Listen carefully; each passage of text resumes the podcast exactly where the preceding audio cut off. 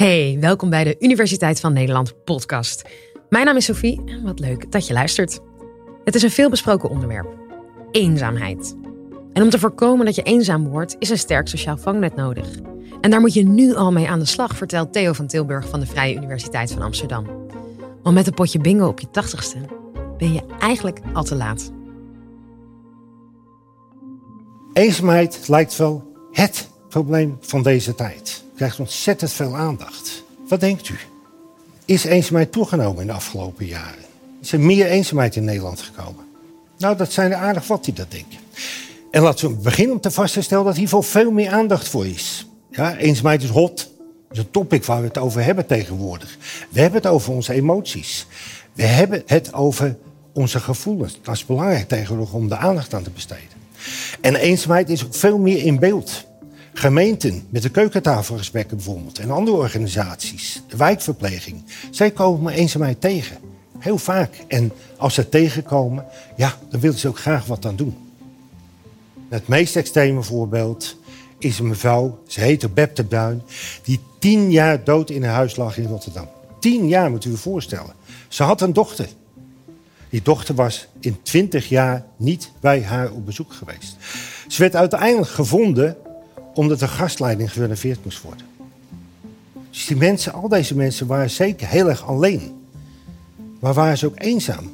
Eigenlijk weten we dat niet. Er zijn zo'n ongeveer 3 miljoen ouderen in Nederland en de startweef bij 65 jaar. Dat is natuurlijk een willekeurige start, maar daar doen we het nu even mee. Van de 65-jarigen is er ongeveer 25% eenzaam. 1 op de 4. Kijken naar de oudste in ons onderzoek, 95 jaar, dan is ongeveer 62% eenzaam. Tweederde van hen is eenzaam. Dus eenzaamheid komt heel vaak voor. Maar wat is eenzaamheid nu precies? Eenzaamheid is een gevoel. Dat kan je niet van buitenaf zien. Eenzaamheid is een gevoel dat je te weinig relaties hebt of dat de kwaliteit van je relaties niet goed genoeg is. En dan onderscheiden we emotionele eenzaamheid. Dat betekent dat je een leegte hebt. Dat je een gat in je lijf als het ware voelt. Sommigen zeggen ook dat het echt pijn doet. Je mist intimiteit.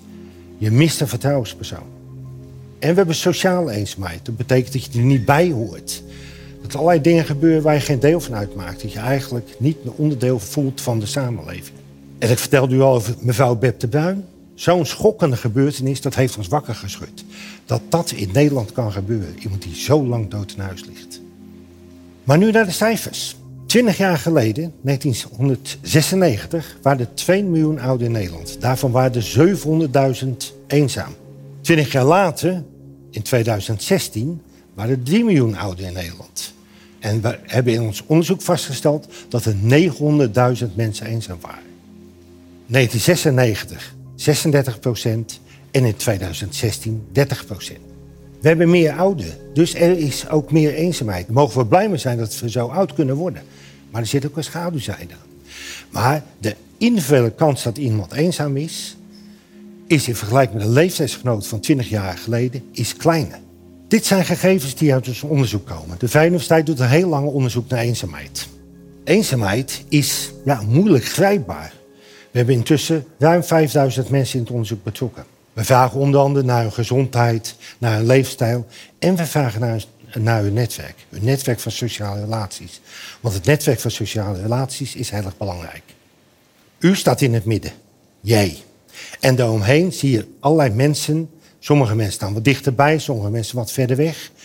Het zijn mensen die je op verschillende manieren bent tegengekomen. Sommige mensen ken je misschien al heel erg lang. Misschien ook wel van je lagere school van het dorp waarin je bent opgegroeid. Andere mensen zijn later in je leven gekomen, collega's bijvoorbeeld, of uh, toen je zelf jonge kinderen had, ouders van andere kinderen. zijn allemaal manieren om mensen in dat netwerk te krijgen. In dat netwerk is ook die partner heel erg belangrijk. Ja, een partner, veel van de ouderen hebben een partner tegenwoordig, hè, omdat we allemaal langer leven. En die partner is enorm belangrijk. Daar heb je lief en leed mee gedeeld. Over een hele lange periode. Heb je van alles meegemaakt. En ja, daar kan je je dagelijkse dingen mee delen. Er is altijd aanspraak. En die partner die is belangrijk dus als een bescherming tegen eenzaamheid. En wanneer die verliest, veel mensen maken dan op zijn minst een periode van ernstige eenzaamheid door. Maar een partner is geen garantie tegen eenzaamheid. We weten dat één op de zes mensen met een partner ook eenzaam is. Dus je moet ook zorgen dat het netwerk groter is dan alleen die partner. Op een gegeven moment, ja, als je oud wordt, dan gaan de dingen veranderen in dat netwerk. Iedereen heeft meegemaakt, je bent wel eens verhuisd. Op een gegeven moment, ja, dan kom je een nieuwe situatie terecht. Je moet weer nieuwe mensen leren kennen. En zo sluipende wijze gaan er allemaal mensen uit het netwerk die verdwijnen. Oh ja, hoe is het eigenlijk met die? Die heb ik al een tijd niet gezien. Dat is wat je meemaakt. Ook ouderen maken dat natuurlijk mee. Maar zij hebben wel wat extra's, wat bijzonders. Namelijk, dat is hun gezondheid. Die gezondheid gaat achteruit. Mensen in het netwerk, ja, op een gegeven moment overlijden er. Dat netwerk wordt kleiner. Mensen kunnen zelf natuurlijk ook. Hè, die krijgen gebreken. Het wordt moeilijker om op uit te gaan. Om mensen te ontmoeten. Dus dat netwerk wordt echt wel wat kleiner. Er ontstaan ondertussen wel wat nieuwe relaties. Maar uiteindelijk is de balans van winst en verlies is wel vooral verlies. Er zijn ook van mensen die zeggen, ja, dat hoort bij de ouderdom. Ja, als je oud bent, dan word je eenzaam. En ik heb er net ook eigenlijk verteld, ja, dat is een beetje onontkoombaar. Heel veel mensen ontvallen je. Wij komen één keer in het drie jaar uh, bij de mensen thuis voor ons onderzoek. En dan vragen hoe dat met het netwerk is. En we vragen ook naar een eenzaamheid. De mensen die bij ons laatste bezoek zeiden dat ze eenzaam waren, 60% daarvan was er drie jaar daarvoor ook. Dus dan praat je echt over een langdurige situatie van eenzaamheid. Het is ook nog eens slecht voor je gezondheid. We weten dat mensen die eenzaam zijn, dat die anderhalf keer zoveel kans hebben op het ontwikkelen van dementie, de mensen die niet eenzaam zijn. 29% meer kans op het ontwikkelen van hartziekte. Gemiddeld leven eenzame mensen vier jaar korter dan niet eenzame mensen. Ja, dit zijn getallen met een groot risico hè, van eenzaamheid op ja, eerst ziekte en vervolgens overlijden. Onderzoek laat zien dat het risico zelfs groter is dan dat van zwaar overgewicht. Wat we ook wel zeggen, het is zelfs zo groot. Eenzaamheid is het nieuwe roken. Wil niet zeggen dat je beter kan gaan roken. Dat is niet de boodschap hier. Hoe komt het nou eigenlijk? Nou, er zijn twee groepen van factoren die hier van belang zijn. Het eerste is dat er wat in je lijf verandert.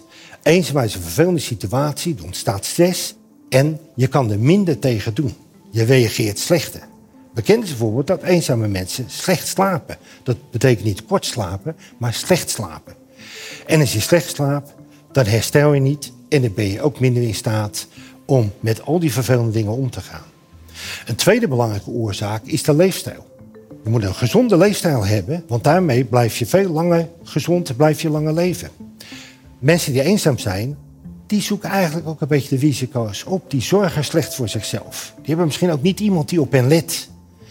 En ja, het gevolg daarvan is ook, ze gaan slecht eten, ze gaan te veel drinken, ze bewegen te weinig, ze gaan niet op tijd naar de dokter als dat nodig is. Dus daardoor ontstaan er ook eerder ziekten en daardoor overlijden ze eerder.